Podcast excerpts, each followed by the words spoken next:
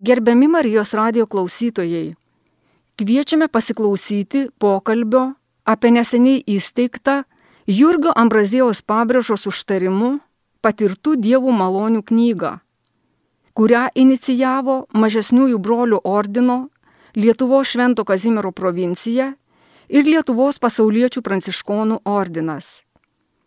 Laidoje dalyvauja teologijos mokslų daktaras, pranciškonas kunigas Paulius Bytautas. Lietuvos pasauliečių pranciškonų ordino nariai.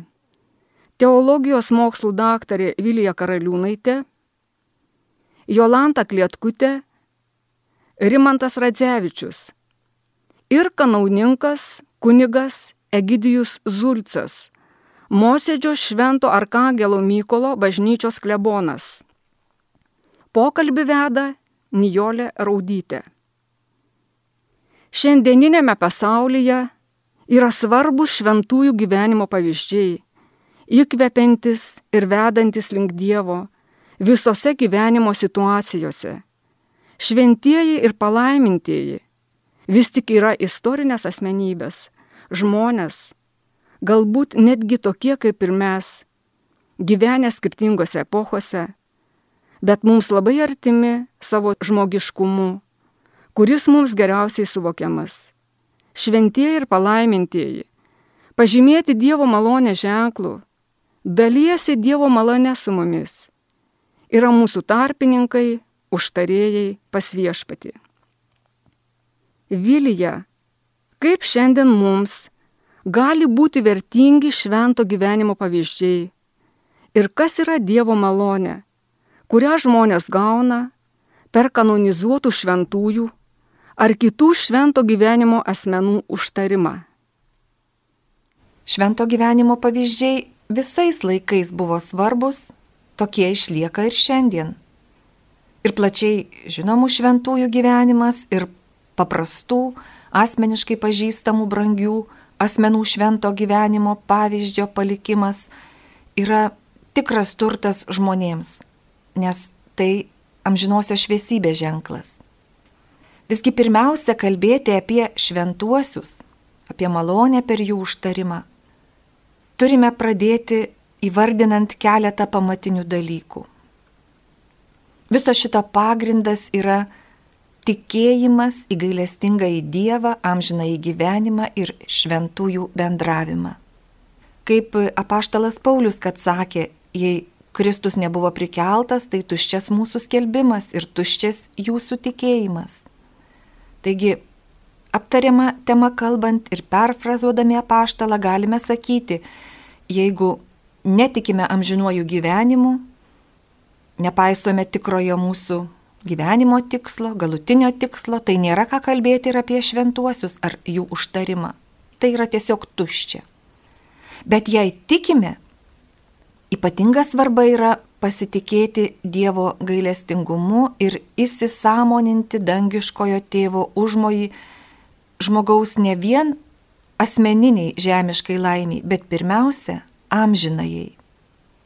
Mums neretai tai pasimiršta, nes gyvename žemėje ir nenorime sirgti, norime joje gyventi sveiki, sėkmingi, turtingi, mylimi, norime pramogų, malonumų, o tai, kaip žinome, dažnai prasilenkia su galutiniu tikslu ir tikrąją žmogaus laimę, būtent pašaukimu būti šventiems, būti tobuliems ir gyventi su Dievu amžinai.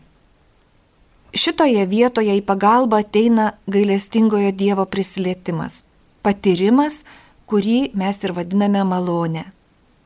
Ir tai nekas kita kaip Dievo dovana mums pagelbėti. Ir ne dėl mūsų nuopelnų, bet dėl jo gailestingumo. Taigi trumpai drūtai, malonė yra asmeninė Dievo dovana mums, padedanti aukti tikėjimu ir šventai gyventi. Labiau nei ko nors gyvenime mums reikia šios Dievo malonės. O katalikų bažnyčios katekizmas moko, jog malonė yra Dievo palankumas, neužsitarnaujamai teikiama pagalba, kad atsilieptume į jo pašaukimą. Taigi malonė yra neužsitarnaujama. Mes neturime jos kaip nors pelnyti. Iš tiesų netgi negalime jos pelnyti. Juk jie yra dovana. Ja Dievas lieja ir ją reikia tiesiog gebėti pasiimti. O kadangi gyvename pasaulyje, kur regis nieko negausi už dyką, todėl ne tik priimti, bet ir suprasti Dievo dovanojamą malonę nėra jau taip paprasta. Kartais dangiškasias dovanas laikome tiesiog atsitiktiniu sutapimu ar pasisekimu. O kartais gyvename matydami tik save, tik savo pastangas, savo galės ir apie Dievą net nepagalvojame, jam vietos nėra. Ir šioje situacijoje ir paaiškėja švento gyvenimo vyrų ir moterų svarba, jų gyvenimo pavyzdžio reikšmė. Tikėtina, jog minėdami švento gyvenimo žmonių nuopelnus, jais gerėdamiesi ir su pasitikėjimu prašydami jų užtarimo, galime jo ir sulaukti. Ne tik kanonizuotų šventųjų, bet ypatingai mums artimų, pažįstamų švento gyvenimo žmonių. Ir jeigu savo jėgomis, savo žemiškų supratimu nepajėgėme išvelgti ir patirti tos Dievo malonės, pagalbos, kurios mums tikrai reikia, Turime tokius kaip mes, jiems žinybė iškeliavusius mūsų šventuosius, kurių tobula meilė gali pasitarnauti, padėti. Jie tikrai nori mums padėti, tik reikia mūsų bendrystės, mūsų judesio jų link. Va štai šventasis Tomas Akvinietis šventųjų tarpininkavime Dievo maloniai išvelgia parengianti ir pasitarnaujanti veikimą, padedanti žmogaus ryšiui su Dievu. Jis aiškino, kad šventųjų užtarimas atitinka Dievo valią. Jie meldžia to, ką viešpats per jų užtarimą nori matyti esant nuveikta. Taigi, jie gali sėkmingai mūsų reikale patarnauti, mums pagelbėti. Ir kaip jau minėjo Nijolė, pradžioje šventieji ir palaimintieji yra tokie pat žmonės su tokia pačia prigimtimi, kokiais laikais jie begyventų, jų patirtis mums yra gerai suvokiama, gali būti apsvarstoma ir pritaikoma. Jau ankstyvojoje bažnyčioje, kaip žinome, gerbė kankinius tikint, jog pasiekusiai išganimo pilnatvę užtarė gyvuosius dangiškojo tėvo akivaizdoje. Prisiminimas ir pagarba švento gyvenimo žmonių mums primena, jog šie vyrai ir moteris nori būti mums kelrodžiais Kristaus sekimo kelyje, kurį kadaise paštalas Paulius nurodė tesalonikiečiams, taigi ir mums Dievo valia jūsų šventėjimas.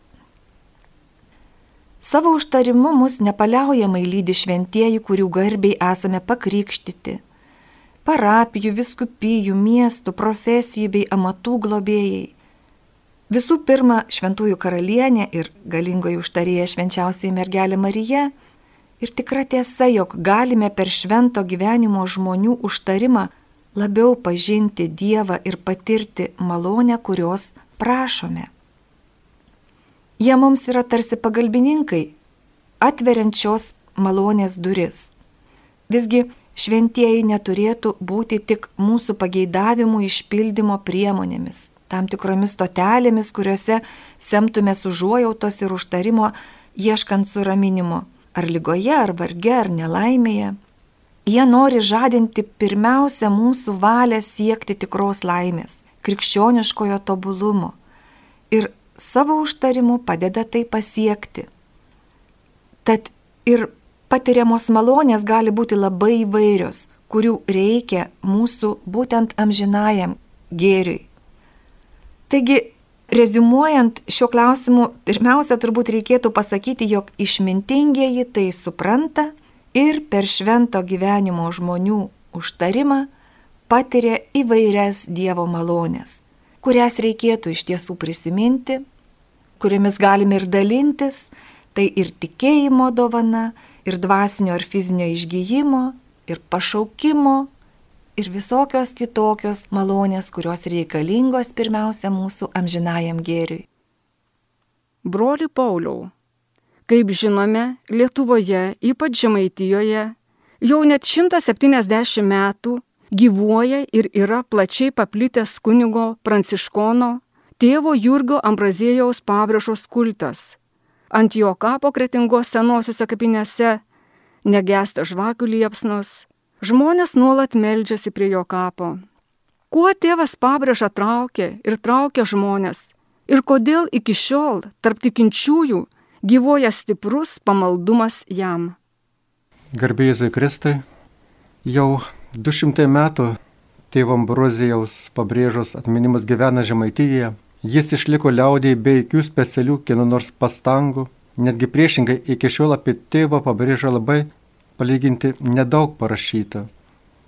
Garbusis kunigas Jurgis pabrėža, mes jį išvystame ne tik plačių horizontų, bet taip pat ir labai žmogišką patrauklę asmenybę kaip išvalgų gamtą mokslininką ir jautrės sielį gydytoją, kaip aistringą savo krašto, jo kalbos ir jo istorijos mylėtoją, kaip mines uždegantį oratorių ir pamokslininką, kaip sveikų idėjų visuomenininką ir pavyzdingą dvasininką.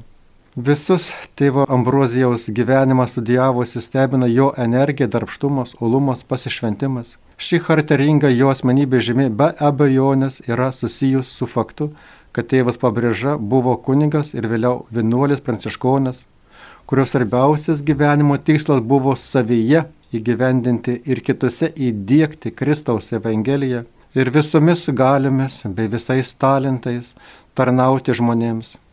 Tai buvo jo gyvenimo pirminė užduotis ir jo aistra, iš kurių visa kita savaimingai išplaukė buvimas mokslininku, gydytoju, veikėju ar panašiai buvo tik natūralios ir apčiuopamos tėvo Ambrozijaus pabrėžus pilnutinai išgyventos Evangelijos apraiškos. Nenustabu, kad jau nuo netmenų laikų tėvas Ambrazijas Kretingos apylinkėse, Žemaitėje, Lietuvoje liaudės laikomas šventuoju. Pabrėžai dar gyvam tebesant jis buvo laikomas dideliu dvasiniu autoritetu ir buvo aplinkinių bei pažinojusių gerbiamas kaip geras žmogus, išsilavinęs ir darbštus vyras. Vyskupas Valančių žemaičių viskupystėje rašė, žmonės jo pamokslo, kaip kokie apaštalai su didžiausiu atidumu išklausę, nemažą gauna išganingos dvasinio peno savo gyvenimui. Sakoma, kaip rašo Matijos Valančius, jeigu tik pabrėža įlipdavo į sakyklą, tai jam užtekdavo sukalbėti ir tėvę mūsų maldą ir visų žmonėms atrodė ši malda šventa ir to visai pakakdavo ir nereikėdavo negražiausių žodžių ištarti ir pasakyti. Paprasti žemaičiai pabrėžus niekada neužmiršo ir gerbė jį kaip šventai. Gi vėlesnis inteligento kartos visų pirma vertinimu pabrėžia kaip mokslininką ir yra trumpi paminėjimai apie jį įvairioje spaudoje, literatūroje ir pabrėžia, kaip galima pastebėti, kad pirmieji jį pagerbė ir juos sudomėjo žmonės kilę iš to krašto, nes jis buvo žmonių mintise, žmonių sąmonėje, kad jie žinojo, kur yra jo kapas, atvažiuodavo ar iš arčiau, ar iš toliau, naidavo, aplankydavo jo kapą, pasimelsdavo prie jo. Ir šiandien apie tai liūdija pripabrėžus kapo degančios žvakės, nors jau praėjo 170 su viršų metų po jo iškeliavimo iš šio pasaulio, vis dėlto pabrėža yra artimas tiem žmonėms, kurie laukia pagalbos, kurie nori išgyti iš savo negalių, iš savo lygų, kurie ieško patarimo savo gyvenimui, einama prie jo kapo, melžiamasi, jeigu paklausus kiekvieno kretingiškio, atvykus į Kretingą, tai jie tikrai parodys, kur yra pabrėžus kapas, kur reikia nueiti, kur reikia pasimelsti, kur reikia nusilenkti šitam gyvenusiam šiame pasaulyje šventam žmogui. Šventasis Ambrazėjas pabrėžia, jeigu bus gana nors taip galima įvardinti, pirmą buvo pasaulinis kunigas, daugelį metų tarnavo Dievo bažnyčiai, paskui Kretingos vienuolynė ir Šventojo Pranciškaus trečiojo ordino rubu apsivilkęs, buvo kitiems visokių darybių paveikslas. Taigi ir mes, mėlyjeji, žinokime, kur yra pabrėžus kapas, nueikime, sukalbėkime prie jo kapo poterius, paprašykime, kad jis užtartų mus pas dangišką į tėvą. Ir ši knyga, kuri bus užvesta kaip malonių knyga, kurios gaunamos užtariant pabrėžai, kad jį pakeltų į palaimintųjų Dievo tarnų garbę. Taigi, būkime visuomet vienybė su juo savo maldoje ir savo mintise.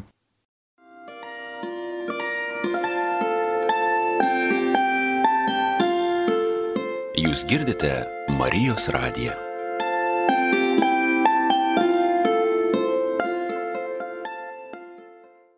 Jolanta, mažesniųjų brolių ordino Lietuvo Švento Kazimiero provincija ir pasauliečiai pranciškonai neseniai įsteigė knygą, kurioje bus fiksuojami liudijimai apie tėvo Jurgio Ambrazėjaus pabrėžos užtarimu patirtas Dievo malonės.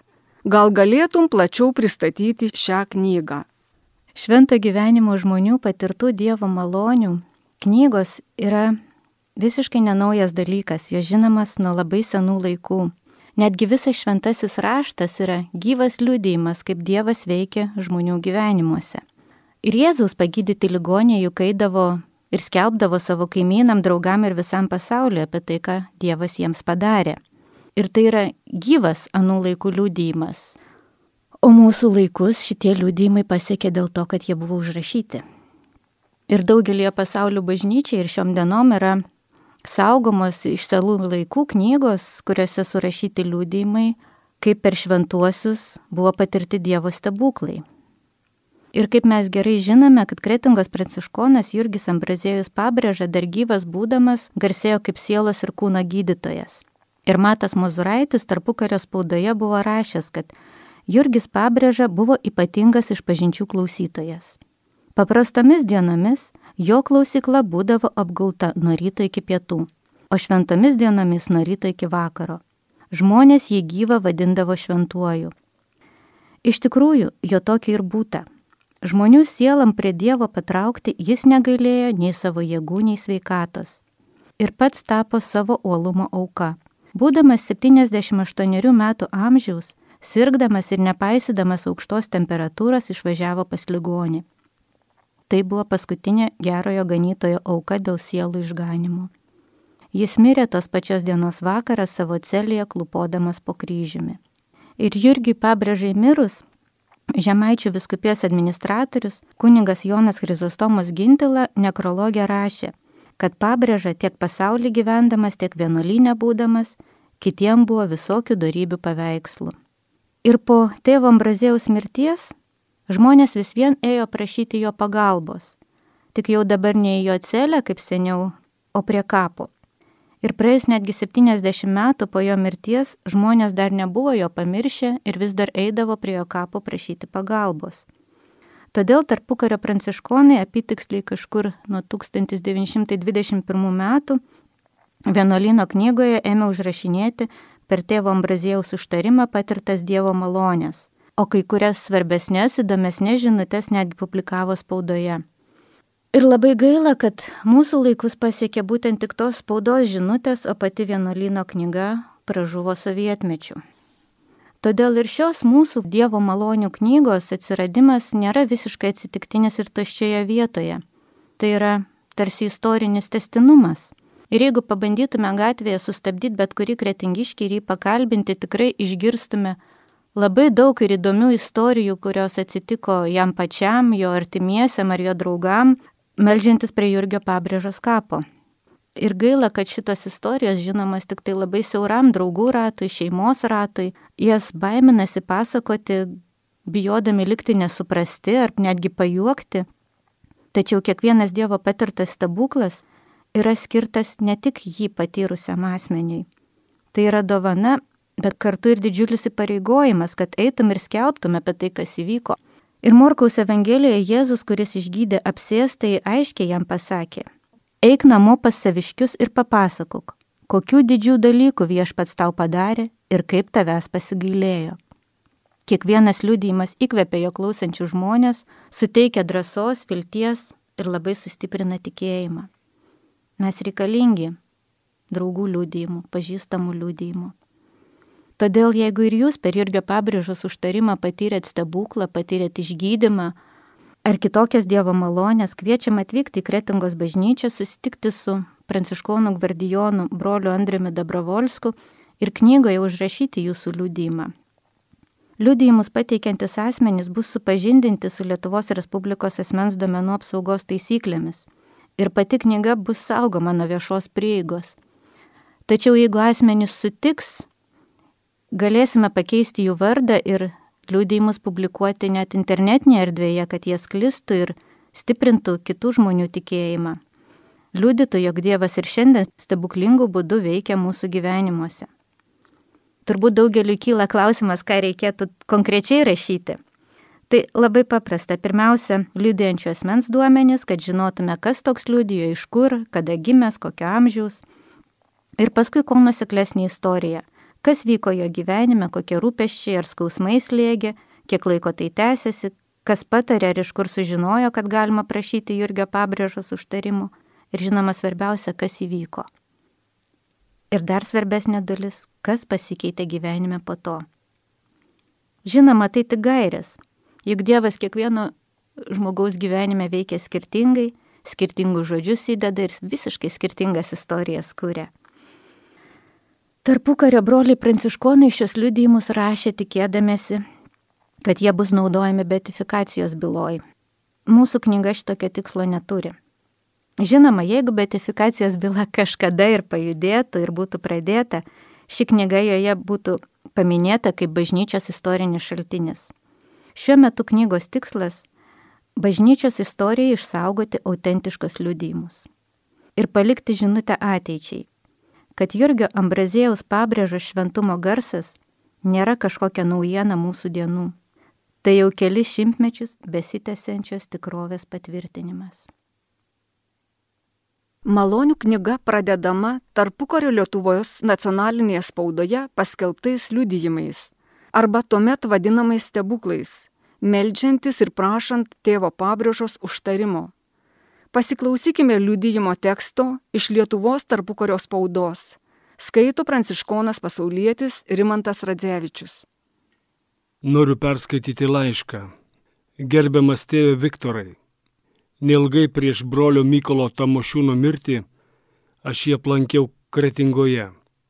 Įsikalbėjome apie garbingojo tėvo Ambrozijos pabrėžos renkamąją medžiagą jo betifikacijos procesui pradėti. Tarp kitų brolis Mykolas man perskaitė savo parengtą rašinį apie Jeronimo Lažausko pagyjimą, užtariant tėvui Ambrozėjui. Kadangi tas faktas man gerai žinomas, tai brolio Mykolo raštas atrodė nepakankamai pilnas bei aiškus. Kas man pasirodė nepakankama, tą sumaniau parašyti ir pasiūsti jums, nes girdėjau, kad jūs renkate tokią medžiagą ir rengėte veikalą apie tėvą Ambroziejų. Rašau tik tą, kas yra tikra ir tiesa, ir pats mačiau ir patyriau. Tiksliai neprisimenu, kada prašomas nuotykis įvyko. Ar tai buvo 1932 ar 1933 metai. Todėl datos nerašau. Tam tikslui Kretingos vienuolynė buvo paskirti asmenys, kurie rinko medžiagą apie gerbiamą tėvą Ambrozijų. Manau, kad jie tą medžiagą jums perdavė. Čia parašysiu tai, ko kiti neparašė. Tada gyvenau Kretingoje, sužinojęs, kad labai sunkiai serga Jeronimas Lažauskas ir yra arti mirties, to jau nuskubėjau aplankyti. Buvo apie 10 val. ryto. Ligonis buvo labai silpnas, sergas plaučių uždegimu dažnai užeina lygos priepoliai, ką tik buvęs stiprus priepolis vos išlikęs gyvas. Jei šitoks priepolis dar užkluptų, pats ligonis nebesitikė pasveikti. Trys paros, kaip nieko negalys valgyti, nei miegoti. Kankina labai stiprus skausmai, kosulys, dėgliai. Ligonis sąmonę turi, su vargu vos gali ištarti žodį. Žmona labai nusiminusi, Klausia manęs, ką daryti, kur kreiptis. Sako, keletą kartų buvo iškviestas gydytojas Tropus. Prirašęs įvairių vaistų, bet nežiūrint to, ligonis eina vis silpnyn. Ligonis su žmona gyvena netoli kapinių. Pro kambario langą matosi tėvo Ambrozijaus kapo paminklas. Negalėdamas nieko padėti, pasakiau ligonio žmonai. Eik prie tėvo Ambrozijaus kapo, pasimelsk, paprašyk, kad ligonis pasveiktų ir jis pasveiks. Ta pačia diena, dar prieš pietus, buvau iškviestas aplankyti kitą ligonę, gyvenančią Jeronimo kaiminystėje. Ten sutikau gydytoją Stropo ir prašiau, kad jis dar užeitų pas ligonį Jeronimą. Gydytojas pasakė, kad ten užeiti nėra prasmės, nes visos galimos medicinos priemonės pavartotos. Ligonis neseniai sirgęs vidurių šiltinė, dar nesustiprėjęs, o dabar apimti visi plaučiai. Jeigu išlaikys dar tris paras iki lygos krizės momento, tai dar galėtų tikėtis pagerėjimo o dabar nėra jokios vilties. Po pietų apie 17 val. vėl einu pas ligonį Jeronimą, nežinodamas, ar dar rasiu gyvą, įeinu Jeronimas sėdi lovoje ir valgo augienę su duona. Linksmai šypsosi ir šnekučiuojasi su žmona. Niekas neskauda, nėra kosulio, bet labai norys valgyti. Jau baigė sudoroti pusę litro augienės. Buvęs sunkus ligonis atrodė visai sveikas. Ligonio žmona man papasakojo, kad vos tik man išėjus, ji kalbinusi ligonį valandėlę pabūti vienam, o ji norint eiti prie tėvo Ambrozijaus kapo, ligonis sutikęs tik prašęs, kad greit sugrįžtų, nes vienam pasilikus gali pasikartoti priepolis, kurio nesitikė pernešti. Ji nubėgusi prie kapo, sukalbėjusi šešerius poterius, apėjusi keliais apie kapą, paėmė iš antkapio žiupsnelį žemių, įsidėjusi į skarelės kampelį, bėgte parbėgo namo. Ligonį radusi ramiai bemiegantį. Iš kapo pasimtų žemių ryšulėlį padėjusi ligoniui ant krūtinės. Taip nepabudęs išmiegojo nuo 10 val. iki 17. Pabudęs jautėsi visai sveikas, tik labai išalkęs ir prašo, kad to jau duotų valgyti. Neturėdama pagamintų pietų, padavė ligoniui bliudelį augienės, kurie apsilankęs ir radau bevalgant. Jeronimas nebevartojo jokių vaistų, nes išnyko visi lygos reiškiniai. Po keleto dienų jis vėl sugrįžo į darbą vienuolino stalių dirbtuvėje, lyga nebepasikartojo. Jis jautėsi geriau ir tvirtesnis negu prieš lygą. Jeronimas Lažauskas iki šiol tebe gyvena Kretingoje, yra religingas, olus katalikas, aktyvus parapijėtis, su gilia pagarba kunigas Antanas Kaubrė 1975 metai, Birželio 28 diena.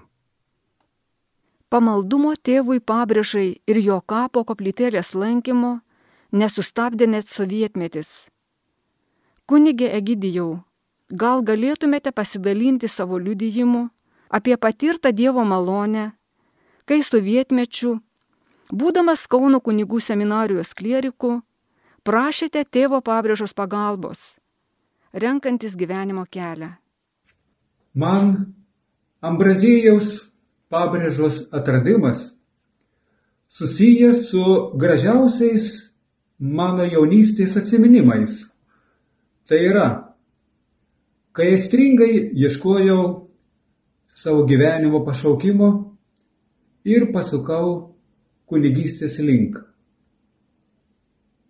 Ėjo įprasti sovietinės okupacijos 1985 metai, kai atlikęs privalomąją karo tarnybą sovietinėje kariuomenėje, prieš tai ką tik baigęs aukštąją mokyklą, tuometinė Vilniaus valstybinė konservatorija, kaip jaunas specialistas ieškojau darbo.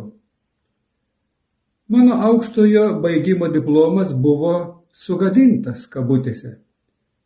Kaip to laiko sąlygomis pasitaikydavo dažnai dėl konflikto su saugumo struktūromis kai dar būdamas studentų, dalyvavau draudžiamoje piligriminėje eisenoje iš Tytovino į Šilovą prieš didžiosius atlaidus.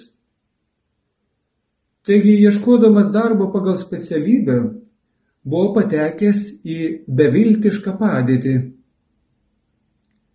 Tuo metu per savo mamytę, kuri tarnavo Klaipedos Kristaus karaliaus bažnyčioje valytoje ir skalbėje, jau pažinojau iš šios parapijos kilusi kuniga tėvą Benediktą Sigitą Jurčiai.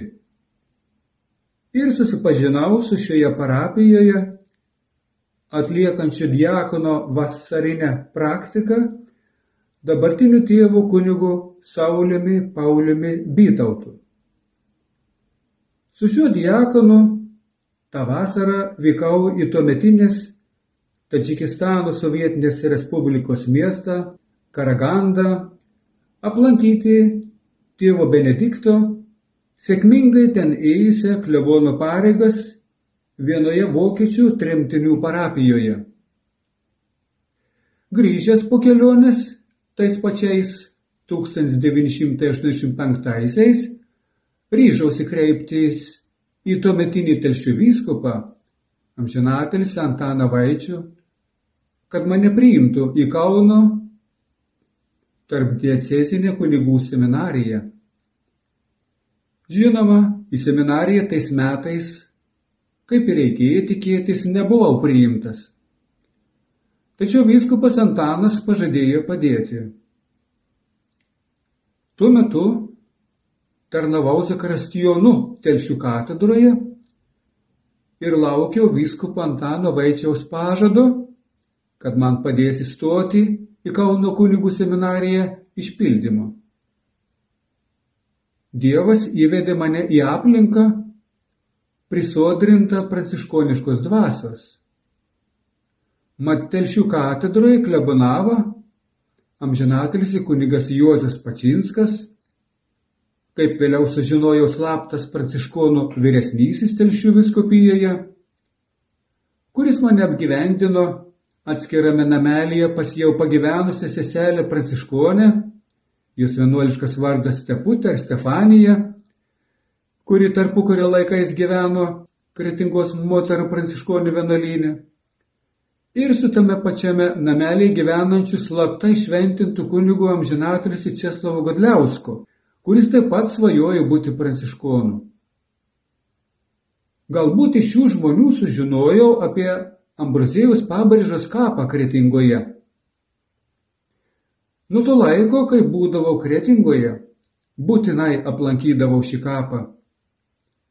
Įspūdį padarė antkapis su metalo apdaila ir tai, kad visada, kai tik atvykdavau prie kapo, ten degė žvakės ir melsdavosi atėję pavieniai žmonės.